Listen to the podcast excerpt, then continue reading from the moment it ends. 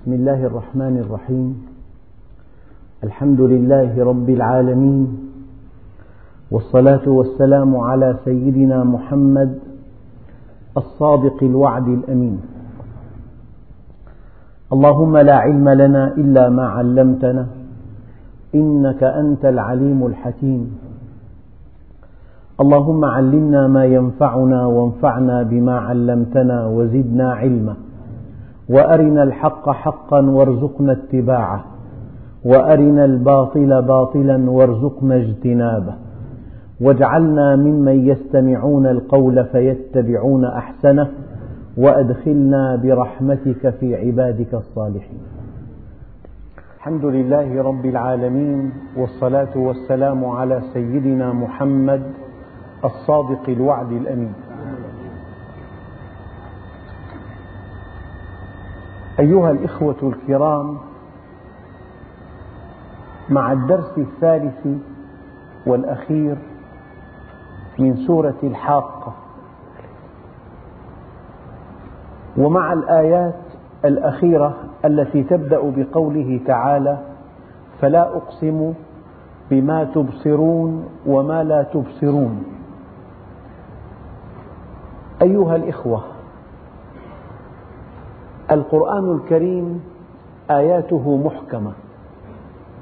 فحينما قال الله عز وجل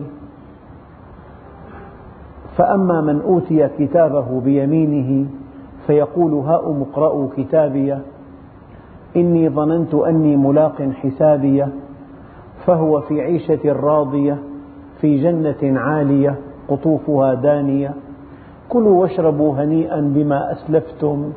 في الأيام الخالية. اللهم اجعلنا من هؤلاء. وأما من أوتي كتابه بشماله فيقول يا ليتني لم أوت كتابيه ولم أدر ما حسابيه يا ليتها كانت القاضية ما أغنى عني ماليه هلك عني سلطانيه خذوه فغلوه ثم الجحيم صلوه ثم في سلسلة ذرعها سبعون ذراعا فاسلكوه.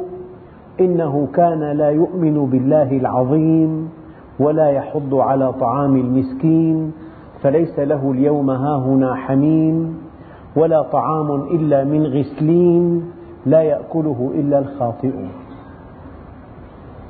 كيف السبيل إلى دخول الجنة؟ كيف السبيل إلى أن نكون من هؤلاء الأوائل؟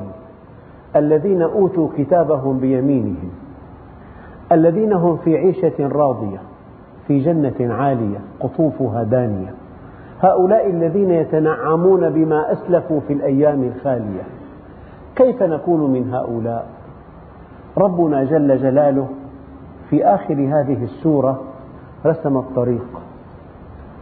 يقول الله عز وجل فلا أقسم بما تبصرون وما لا تبصرون. ما معنى لا أقسم؟ يعني هذه كأس الماء. ترونه جميعا كأس ماء. فهل يحتاج إلى أن أقسم أنه كأس ماء؟ الشيء البديهي الشيء المسلم به الشيء الواضح كالشمس. المسلمات التي تتفق مع الفطرة هذه لا تحتاج إلى قسم. هل تحتاجون إلى أن أقسم لكم أن الأب أكبر من الابن؟ ليش؟ من, من منا يصدق أن الابن أكبر من الأب؟ من حيث السن؟ مستحيل. الفرع أصغر من الأصل دائما والجزء أصغر من الكل. هذه مسلمات. فلو أن إنسانا أقسم لكم أن عمر الأب أكبر من عمر الابن هذا القسم لا معنى له لأن هذه الحقيقة تدرك بالفطرة. لو أن أهل الأرض جميعا سألتهم من هو الأكبر الأب أم الابن؟ يقول لك الأب. في حالات نادرة قضايا اجتماعية هي موضوع ثاني. سئل سيدنا العباس أيكما أكبر أنت أم رسول الله؟ قال هو أكبر مني وأنا ولدت قبله. هذا أدب رفيع جدا. هو أكبر مني وأنا ولدت قبله. أما من حيث العمر الزمني من حيث عدد السنوات التي يعيشها الإنسان هل منا واحد يصدق أن عمر الابن أكبر من عمر الأب؟ هذه الحقيقة البديهية الواضحة الناصعة البسيطة التي يدركها الإنسان بالفطرة هذه التي تنطوي تحت المسلمات. هل تحتاج إلى قسم؟ لا. هذا معنى قول الله عز وجل لا أقسم. يعني هذه الحقيقة لشدة وضوحها ولنصوعها ولبديهيتها ولانسجامها مع فطرة الإنسان لا تحتاج إلى قسم. فلا أقسم بما تبصرون وما لا تبصرون. هذه الآية فيها لفتة علمية عميقة جدا. نحن مثلا لو نظرنا إلى السماء ماذا نرى؟ قرأت مرة أن الإنسان يستطيع بعض المراصد المتواضعة تستطيع أن تعد عشرة آلاف نجمة. أما الحقيقة التي عرفها العلماء اليوم والتي لا ترى بالعين قريب من مليون مليون مجرة قريب من مليون مليون مجرة وفي المجرة الواحدة قريب من مليون مليون نجم يعني مليون مليون ضرب مليون مليون يعني واحد أمامه 12 صفر ضرب واحد أمامه 12 صفر ضرب مو جمع ضرب. هذا عدد النجوم الذي توصل إليه العلماء بالمراصد العملاقة. أما هذه العين التي في رؤوسنا في إحدى الليالي التي غاب فيها القمر. لو نظرنا إلى السماء لا نستطيع أن نعد أكثر من عشرة آلاف نجمة. فهذه العشرة آلاف نجمة مما نبصر والمليون مليون ضرب مليون مليون نجم مما لا نبصر. فكأن الذي لا نبصره أعظم بكثير من الذي نبصره. فالله سبحانه وتعالى أشار إشارة إلى أن في الكون حقائق لا أحد يبصرها. فلا أقسم بما تبصرون. رأيت قرص في عليه معلومات 162 مليون معلومة. ثمن كتبه 200 ألف ليرة سورية. قرص صغير هكذا. طيب انظر إلى المعلومات. هل تستطيع بعينك أن تنظر إلى هذه المعلومات؟ مستحيل. فالحواس محدودة. ولأنها محدودة هذه نعمة كبرى. يعني أحدنا يمسك بكأس ماء يراه صافيا تتوق نفسه إلى شربه. أما لو وضعت هذا الماء تحت مجهر لرأيت فيه من الكائنات الحية والبكتريات ما تعاف نفسك أن تشربه. لا تشربه أبدا. لكن الحواس محدودة. قد تنظر إلى ابنك الصغير ذي الجلد المتألق الأملس. لو وضعت هذا الجلد تحت مكبر مجهري إلكتروني لوجدت أخاديد وجبال وتلال ووديان على خده. فمن نعمة الله عز وجل أن الحواس التي أودعها الله فينا حواس محدودة. أحيانا تجرح يدك قليلا فإذا أكلت طعاما حامضا تشعر بألم. لأن الأعصاب الحساسة في الطبقة الثانية من الجلد. لو أنها مكشوفة حياة الإنسان جحيم لا يطاق. من هنا قال الله عز وجل إنا كل شيء خلقناه بقدر. فالحواس محدودة. هذه العين لها عتبة. عتبة دنيا وعتبة قصوى. لذلك في أشعة فوق الحمراء وتحت البنفسجية لا نراها نحن. إذا الحواس لها عتبات. العين لها عتبة رؤية والأذن لها عتبة استماع وكل شيء له حدود. إذا حواسنا محدودة. إذا عدم الرؤية لا يدل على عدم الوجود. عدم الرؤية لا يدل على عدم الوجود. وأكبر حماقة ارتكبها الإنسان في مطلع عصر النهضة أنه أصبح حسيا. لا يؤمن إلا بما يرى. وقد سأل معلم طلابه أنه هل ترون الله؟ قالوا لا. قال إذا هو غير موجود. فقال له أحد الطلاب هل نرى عقلك يا أستاذ؟ قال لا. قال إذا ليس لك عقل. ما كل شيء يرى ما كل شيء لا يرى لا يوجد. عدم الوجدان لا يدل على عدم الوجود. هذه حقيقة مهمة جدا وهي محور الدرس. فلا أقسم بما تبصرون وما لا تبصرون. طيب هذه البحار لو أنك وقفت على ساحل بحر ماذا ترى؟ ترى مياه زرقاء. لو أن إنسان غاص إلى أعماق البحر لرأى العجب العجاب لرأى الجزر المرجانية لرأى النباتات البحرية والطحالب لرأى مليون نوع من السمك. بالموسوعة العلمية الحقيقة الثابتة أن في البحر مليون نوع من السمك. أنت ماذا رأيت من البحر؟ فباطن البحر مما لا نبصر. الحقيقة يبدو أن الذي لا نبصره إذا قيس إلى الذي نبصره كبير جدا. بل إن الذي نبصره لا شيء إطلاقا أمام الذي أمام الذي لا نبصره. فربنا عز وجل يشير إلى هذه الحقيقة. مرة رأيت في مجلة علمية مكعب من التراب. وفي داخل هذا المكعب ما يزيد بمتر مكعب من التراب ما يزيد عن عشرة آلاف مخلوق من ديد طبعا البكتيريات بالملايين أما الحشرات يعني ديدان التربة. هذه لا تراها ترى حقل كم حيوان يعيش تحت التراب؟ كم حيوان؟ هذا مما لا تبصر. هذا الذي نتحدث عنه عن الحشرات والأشياء التي يمكن أن نراها.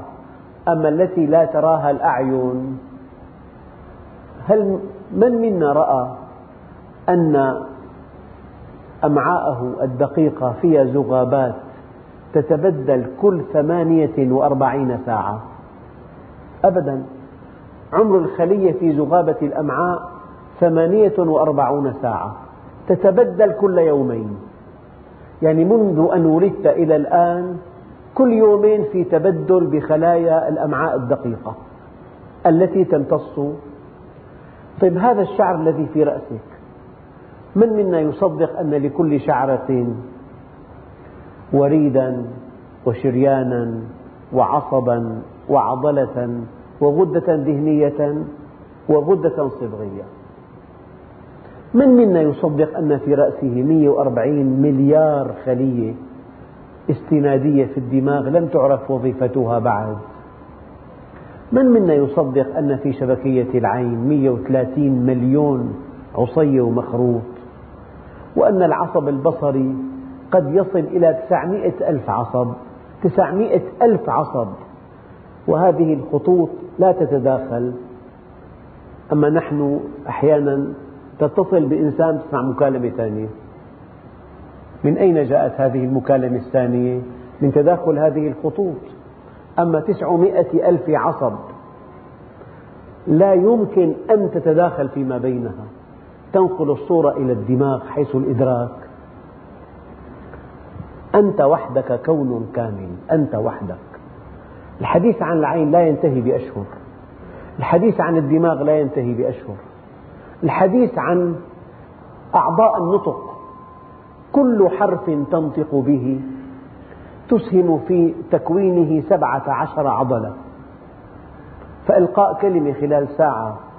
كم حركة عضلية عملت حتى صنعت هذا الحرف؟ وكم حرفا صنع كلمة؟ وكم كلمة صنعت جملة؟ وكم جملة صنعت محاضرة؟ فلا أقسم بما تبصرون. وما لا تبصرون باللقاء الزوجي خمسمئة مليون حوين هل تراها أنت؟ هل بإمكانك أن تعدها واحدة واحدة؟ كل حوين له رأس وله عنق وله ذيل وكائن حي في مكونات في مليون معلومة مورثة أين هذا كله؟ الآن في مجاهر إلكترونية تكبر بعض النسج أربعمائة ألف مرة. الشيء الذي يرى بالصور لا يصدق لا يصدق. يعني في صور للسان صور لشبكية العين صور لأعضاء الأذن صور لجدار المعدة صور للأمعاء صور لخلايا الكبد صور للجلد صور الخلية العظمية. أنت ترى عظم أملس هل تصدق أن عظمك إسفنجي؟ لأنه لو كان أصم لكان وزنك الضعف. ومعنى وزن ضعف بدك قلب مضاعف بدك طاقة مضاعفة لازم تأكل الضعف. أما العظم مخلخل. وأمتن المفرغ أمتن. عنق الفخذ بيحمل 500 كيلو. عظم الفخذ له عنق حتى يكون الإنسان منظره جميل. حتى يكون من الوسط أعرض من من الصدر ومن الأرجل في عنق لعظم الفخذ. هذا العنق يحمل 500 كيلو. هل تبصر خلية العظم كيف تكون؟ الآن طبعا في تقدم علمي مذهل. وصلوا إلى الفضاء. بيقول لك وصلنا غزونا الفضاء. غزونا الفضاء. تأدبوا مع الله. الفضاء الذي غزوتموه سابقا يبعد عن الأرض ثانية ضوئية واحدة. القمر يبعد عن الأرض ثانية ضوئية واحدة. والآن المريخ حطت مركبة على كوكب المريخ.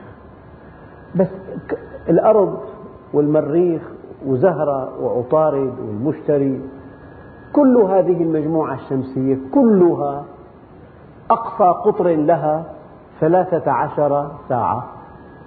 كلها القمر ثانية ضوئية طيب هذه المجرة التي تبعد عنا 300 ألف بليون سنة ضوئية. هل تراها أنت؟ 300 ألف بليون قبل عام ونصف. أذاعت إحدى محطات الأخبار العالمية.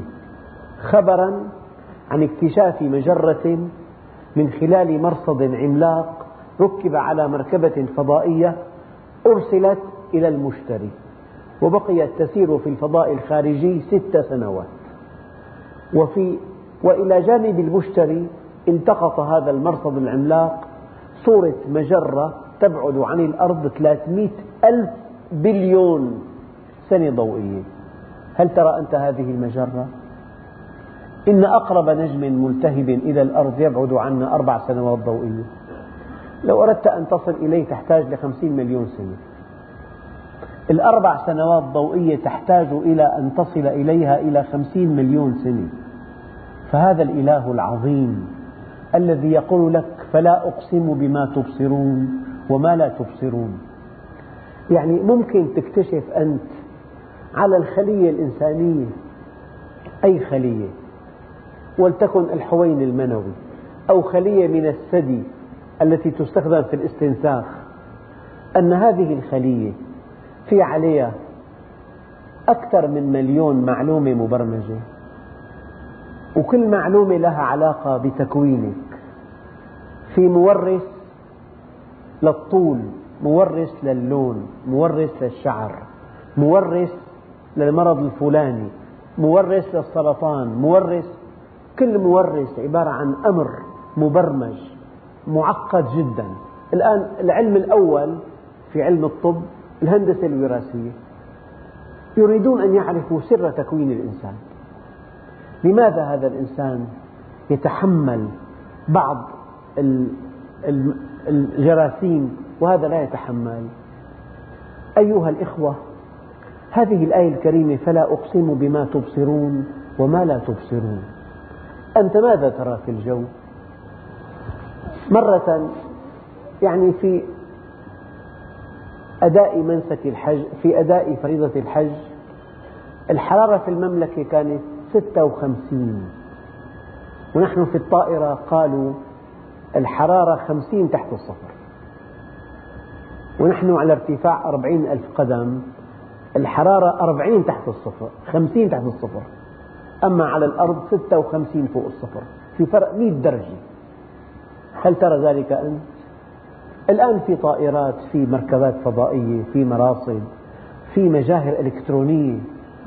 يعني هذه الخلايا الكريات الحمراء البيضاء هل تعلم أنه كل ثانية يولد نقي العظام؟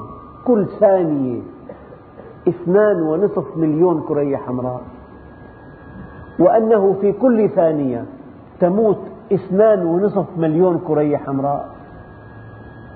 وأن المرض العضال توقف هذه المعامل عن تصنيع الكريات اسمه فقر الدم اللامصنع هذا مرض للآن ما له شفاء فلا أقسم بما تبصرون وما لا تبصرون. يعني هذا الطفل حينما يبلغ التسعة أشهر من الذي يحركه يقلبه رأسا على عقب الأمر هرموني. هل رأيت أنت هذا الأمر؟ من الذي يوسع عظم الحوض في المرأة؟ الأمر الثاني هرموني. من الذي يجعل الرحم يتقلص تقلصات لطيفة متزامنة متقاربة؟ أمر هرموني رابع. شيء لا يصدق. آلية الولادة من آيات الله الدالة على عظمته. ثم السبيل يسره. أنا لا أتكلم الآيات بشكل منظم يعني كلمة لا أقسم بما تبصرون وما لا تبصرون. الذي لا نبصره من حيث الكم يساوي ملايين ملايين ملايين الأضعاف عن الذي نبصر.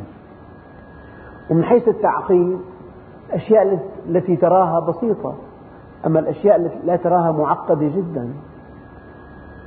يعني الإنسان أحيانا يكون مضطجع. يستيقظ من فراشه يشعر بشيء.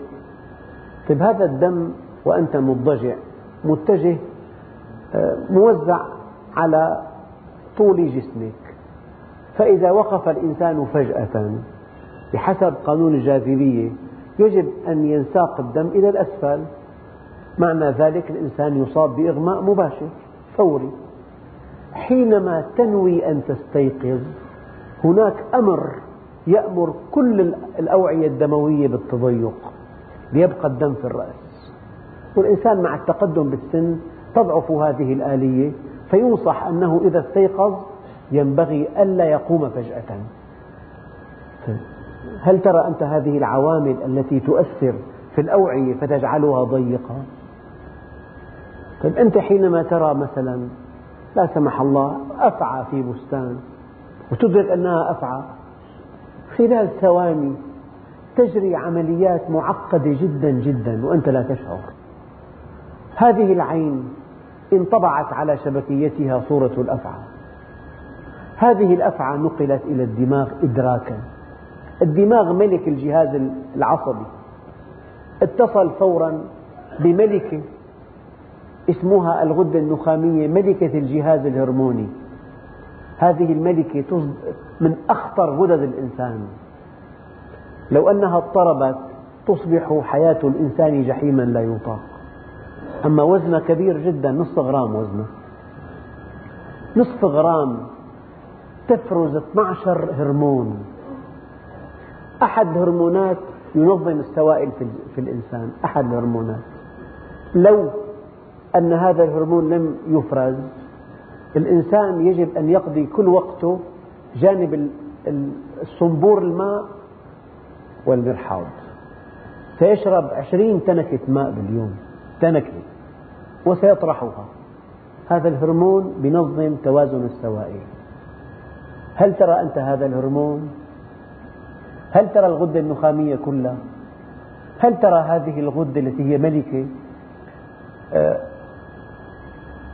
رئيس الجهاز العصبي الدماغ يتصل برئيسة الجهاز الهرموني آه، الغدة النخامية المحترمة. أنه في خطر تصرف هي ملكة تعطي أمر لغدتي الكظر اللتين فوق الكليتين. الكظر في عنده أجهزة وعنده آلات.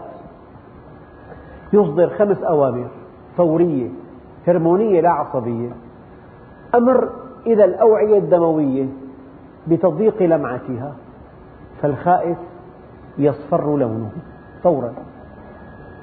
لأن الخائف بحاجة إلى الدم للعضلات لا إلى المنظر الوردي الجميل. هلأ خايف عليه أن ينجو بجلده. فأول أمر هرموني تضييق الأوعية الدموية في جسم الإنسان ولا سيما المحيطية فالخائف يصفر الأمر الثاني إلى القلب. يرتفع النبض إلى 180 نبضة.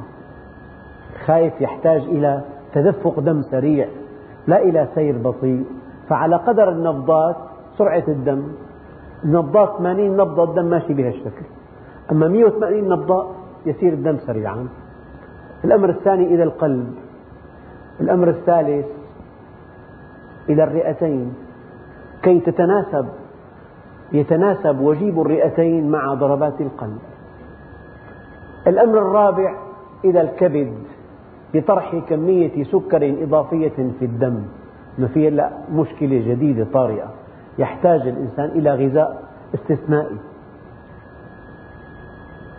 الأمر الخامس يعني أوامر معقدة جدا. للرئتين للقلب للجلد للكبد آه، الكبد بجوز يكون في صدام مباشر يصير في جرح. بيروح أمر للكبد بمضاعفة هرمون التجلط حتى ما ينزف الدم كله.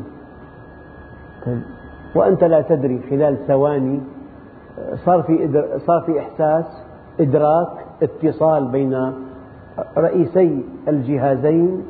الغدة النخامية أعطت أمر موحد للكظر الكظر أعطى خمس أوامر وأنت لا تشعر.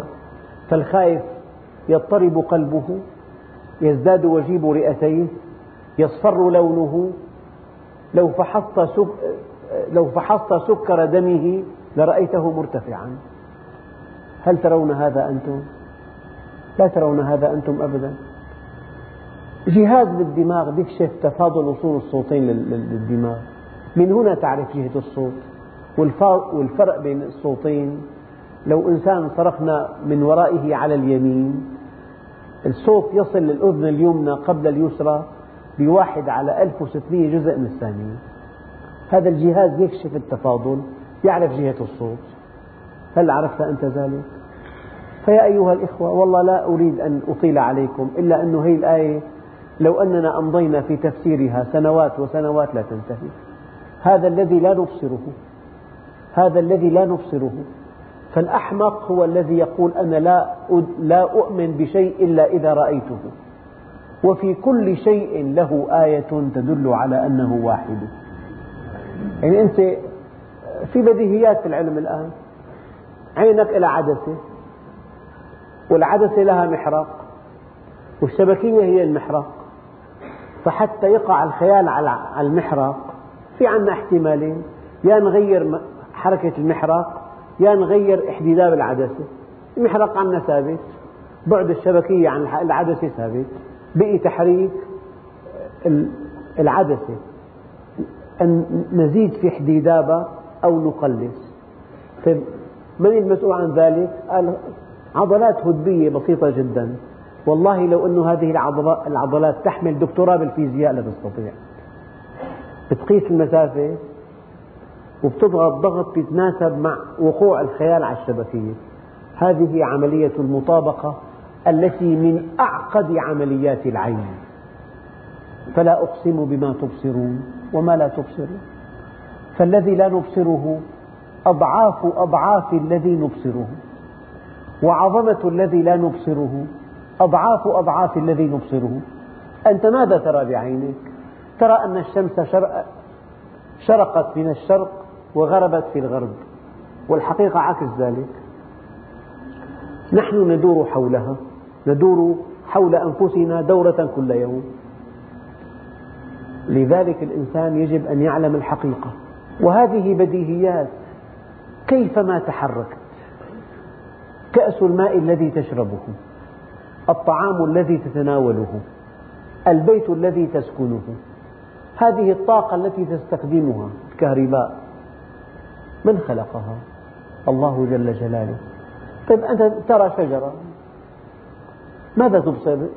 شجرة في الشتاء حطب خشب فقط في الربيع أزهرت ثم أورقت ثم أثمرت هذا الذي رأيته والله أيها الإخوة قرأت بموسوعة علمية مترجمة عن النباتات كلمة عن ورقة الشجر.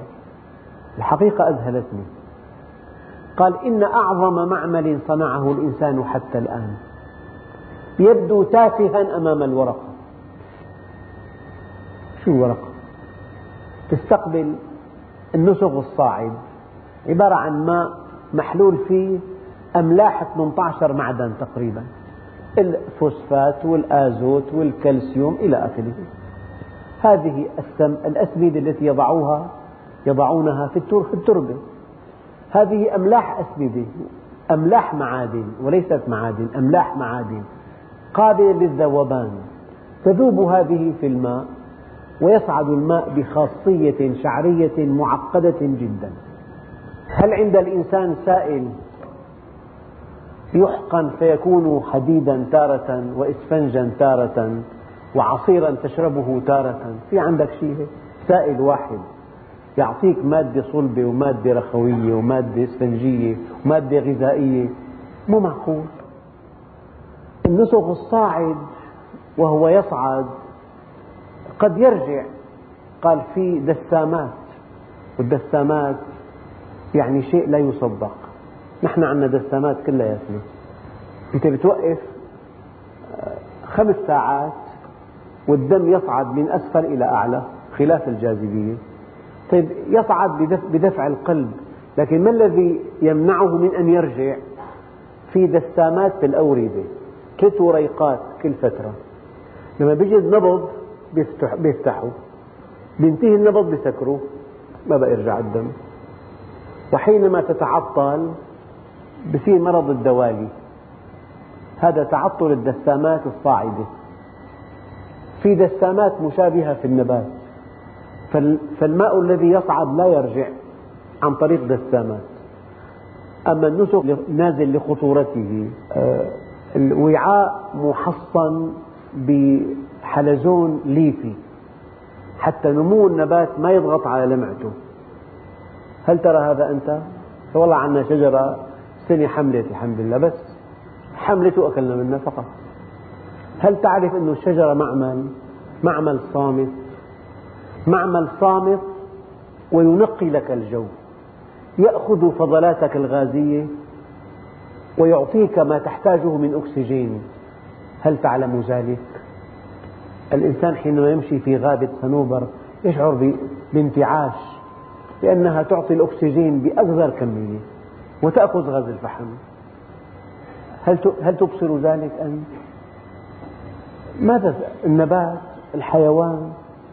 طيب هذه البقرة والله عندنا بقرة تعطي أربعين كيلو باليوم الحمد لله. هل تعلم كيف يتحول الدم إلى حليب؟ من بين فرث ودم. بعض أخواننا المهندسين الزراعيين يعني طلع على بحث جميل أطلعني عليه. أنه كلمة فرث هي الفضلات السائلة. في فضلات غازية هي الزفير. في فضلات سائلة حمض البول بالدم موجود. في فضلات صلبة الغائب طيب هذه الخلية خلية الحليب تختار من الدم ما تحتاج. تختار البروتين الشحوم الفيتامينات المعادن. من أجل أن تصنع لك حليبا كامل الدسم. حليبا يعد غذاء كامل يمكن أن تقيم عليه حياتك. حتى هذه الساعة لا يعلم أحد كيف تعمل هذه الخلية الثديية في البقرة. هي خلية فوق في شبكة أوعية. كأنها تنتقي من الدم ما تحتاج. كأنه عقل. 3% بوتاسيوم 4% فيتامين الفلاني بروتين شحوم سكريات. الحليب يحلل مادة غذائية كاملة. وشيء آخر أنه 400 حجم دم يساوي حجم حليب واحد. فكل كيلو حليب تشتريه هذا ساهم بصنعه 400 لتر دم من دم البقرة. نعم. وهذا الضرع الكبير مقسم بجدارين متعاكسين من الداخل لو أربع إخوة لهم بقرة واحدة كل حلمة من البقرة تعطي ربع الكمية بالتمام والكمال بقرة ساكتة تأكل الحشيش تعطيك الحليب تأكل جبنة ولبن وسمنة وقشطة وعدد مشتقات الألبان وبوظة بالصيف ورز الحليب بالشتاء وشمندور وأشياء لا تعد ولا تحصى.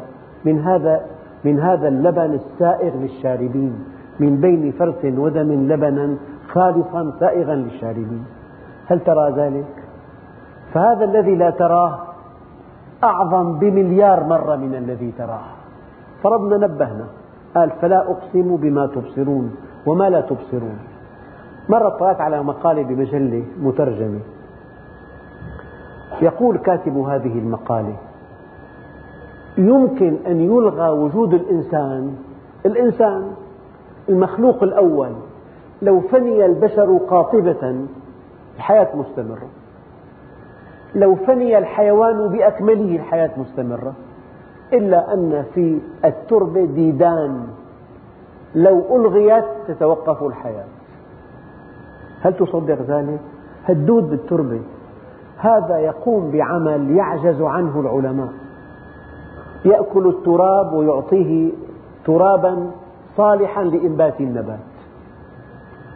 يأكل التراب ويعطيه ترابا صالحا لإنبات النبات. وهذا وهذه الديدان إذا أبيدت تنتهي حياة الإنسان من على الأرض. لأن التراب لا ينبت. والحيوان يموت والإنسان يموت بعده. هذا لا تراه أنت. والله هذا الكلام لم يكن يعني محضرا. ماذا يأتيني من خواطر حول هذه الآية؟ أما لو كان في دراسات منهجية بعالم النبات بعالم الحيوان بعالم الأسماك بعالم الفضاء بعالم التربة لرأيت العجب العجاب في كل حقيقة العقل ما يصدقها أنت مالك عرفان؟ لك الحمد لله الصحة طيبة. الصحة طيبة لأنه في جهاز مناعة. هذا جهاز المناعة عبارة عن جيش. يفوق أرقى جيش في العالم له قيادة. له أسلحة. قال لك سلاح الطيران وسلاح المدرعات وسلاح الإشارة وسلاح أسلحة. في سلاح الاستطلاع. سلاح الاستطلاع. الإنسان دخل لجسمه جرثومة في قيادة مركزية تعطي أمر لسلاح الاستطلاع ينطلق سريعا إلى هذا الجرثوم. ما بيقاتله بس يأخذ معلومات. يأخذ معلومات عن تركيبه أو عن شفرته الكيماوية ويعود بها إلى معامل الأسلحة بالعقد الليمفاوية في معامل أسلحة يسلم هالعنصر شفرة هذا الجرثوم وتنتهي مهمته في تنسيق لأنه في قيادة حكيمة. آه، العنصر الذي في العقد اللمفاوية مهمته أن يصنع مصل مضاد لهذا الجرثوم يصنعه فورا وانتهت مهمته في خلايا ثالثة خلايا مقاتلة سلاح المشاة ذلك يحملون هذا السلاح وينطلقون إلى هذا الجرثوم. ويقاتلونه حتى يقتلوه. وتنتهي مهمتهم في سلاح الخدمات سلاح الهندسة. هذا يأتي لينظف أرض المعركة من من الجثث. وفي سلاح هذا كوماندوز هذا أعلى شيء. هذا عنده قدرات عالية جدا. ممكن يكتشف شذوذ خلية قبل أن تشذ فيقضي عليها. لولا هذا السلاح لكان السرطان يعم البشر كله. الخلية هي تكتشف الشذوذ قبل أن يبدأ وتقضي عليه. أما الشيء الذي لا يصدق أن هذا الجيش العرمرم الذي في الجسم قيادته خارج الجسم. كل جهاز له قيادة. العصب له الدماغ.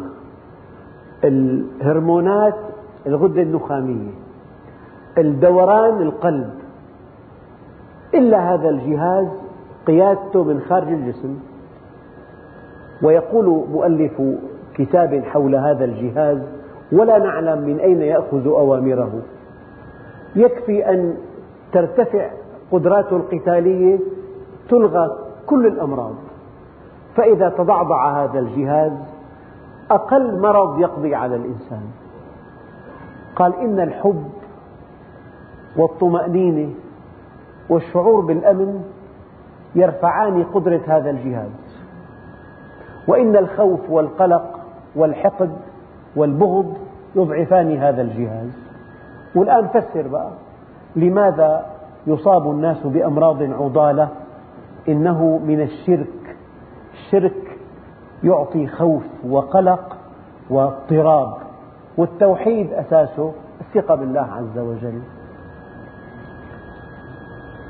العالم الآن لا يعنيه إلا هذا الجهاز جهاز المناعة المكتسب. ما الذي يضعفه ويدمره؟ الانحراف الجنسي. أبدا. يعني أنا سمعت قبل شهر والله ما أصدق ما أقرأ وزير الصحة البريطاني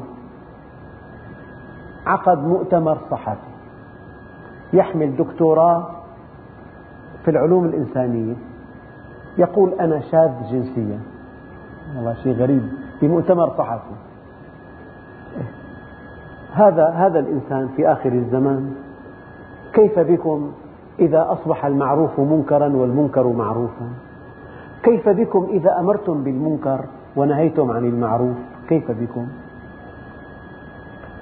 فلا أقسم بما تبصرون وما لا تبصرون.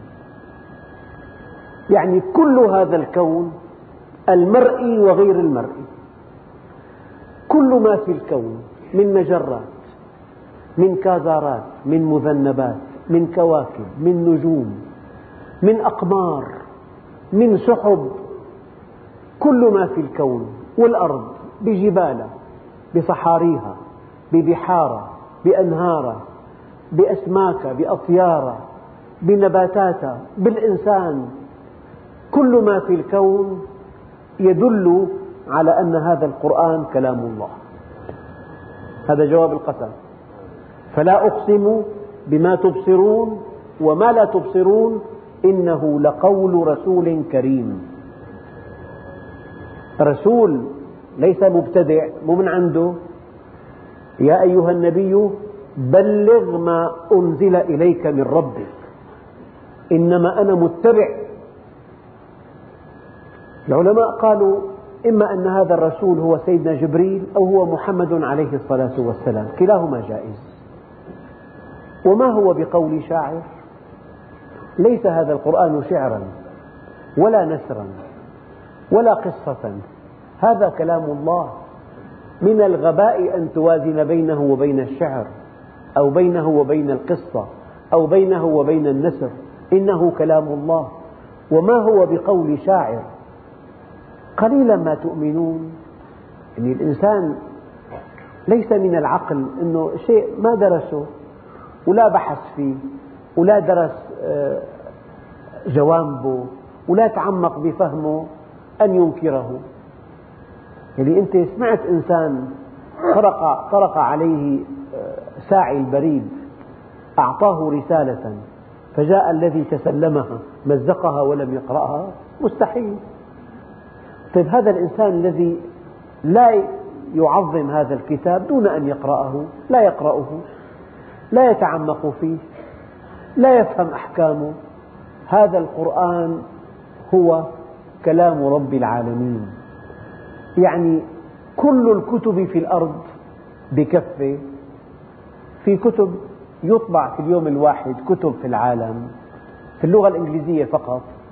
ما لا يستطيع الإنسان أن يقرأه في مئتي عام. ما يطبع في اليوم الواحد.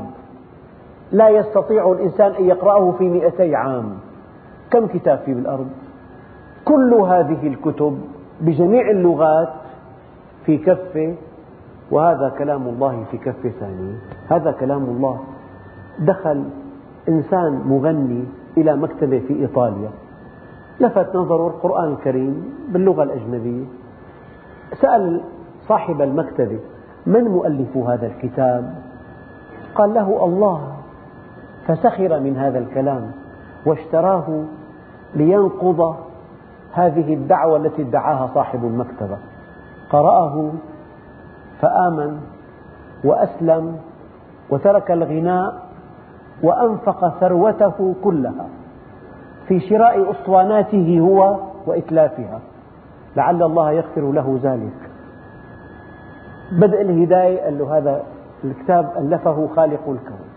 أشار إلى السماء. ففضل كلام الله على كلام خلقه كفضل الله على خلقه. فضل كلام الله على كلام خلقه كفضل الله على خلقه. كم هي المسافة؟ بين خالق الكون وبين إنسان حقير. كم هي المسافة؟ هي نفسها. بين كتاب ألفه إنسان شاعر كاتب مفكر وبين كتاب الله. لا يؤلمني إلا أن يعد كتاب الله كأي كتاب. هذا قرآن. هذا كتاب الخالق. لا يأتيه الباطل من بين يديه ولا من خلفه. من عند الله هذا الحق فيه مطلق. ما في خطأ أبدا. يعني قد تقرأ كتاب ما من كتاب قرأته. بعد حين في ثغرات. والله كتاب قرأته كثيرا وهو من أعظم الكتب الدينية. إيه، ذكر فيه المؤلف أن الإنسان لما يأكل حينما يأكل بخار الطعام يصعد إلى الدماغ. كأنه الجسم مفرغ المعدة صحن وضعت فيه الطعام الحار. بخار هذا الطعام صعد إلى الدماغ. شيء مضحك. لأنه كلام بشر. أما هل وجدتم حقيقة في الأرض تصادم آية قرآنية؟ مستحيل لأنه كلام خالق الكون. طبعا أيها الإخوة لا أقسم عند علماء التفسير بحكم أقسم. بمعنى أن الله عز وجل حينما قال فلا أقسم بما تبصرون وما لا تبصرون. جواب هذا القسم المنفي إنه لقول رسول كريم. يعني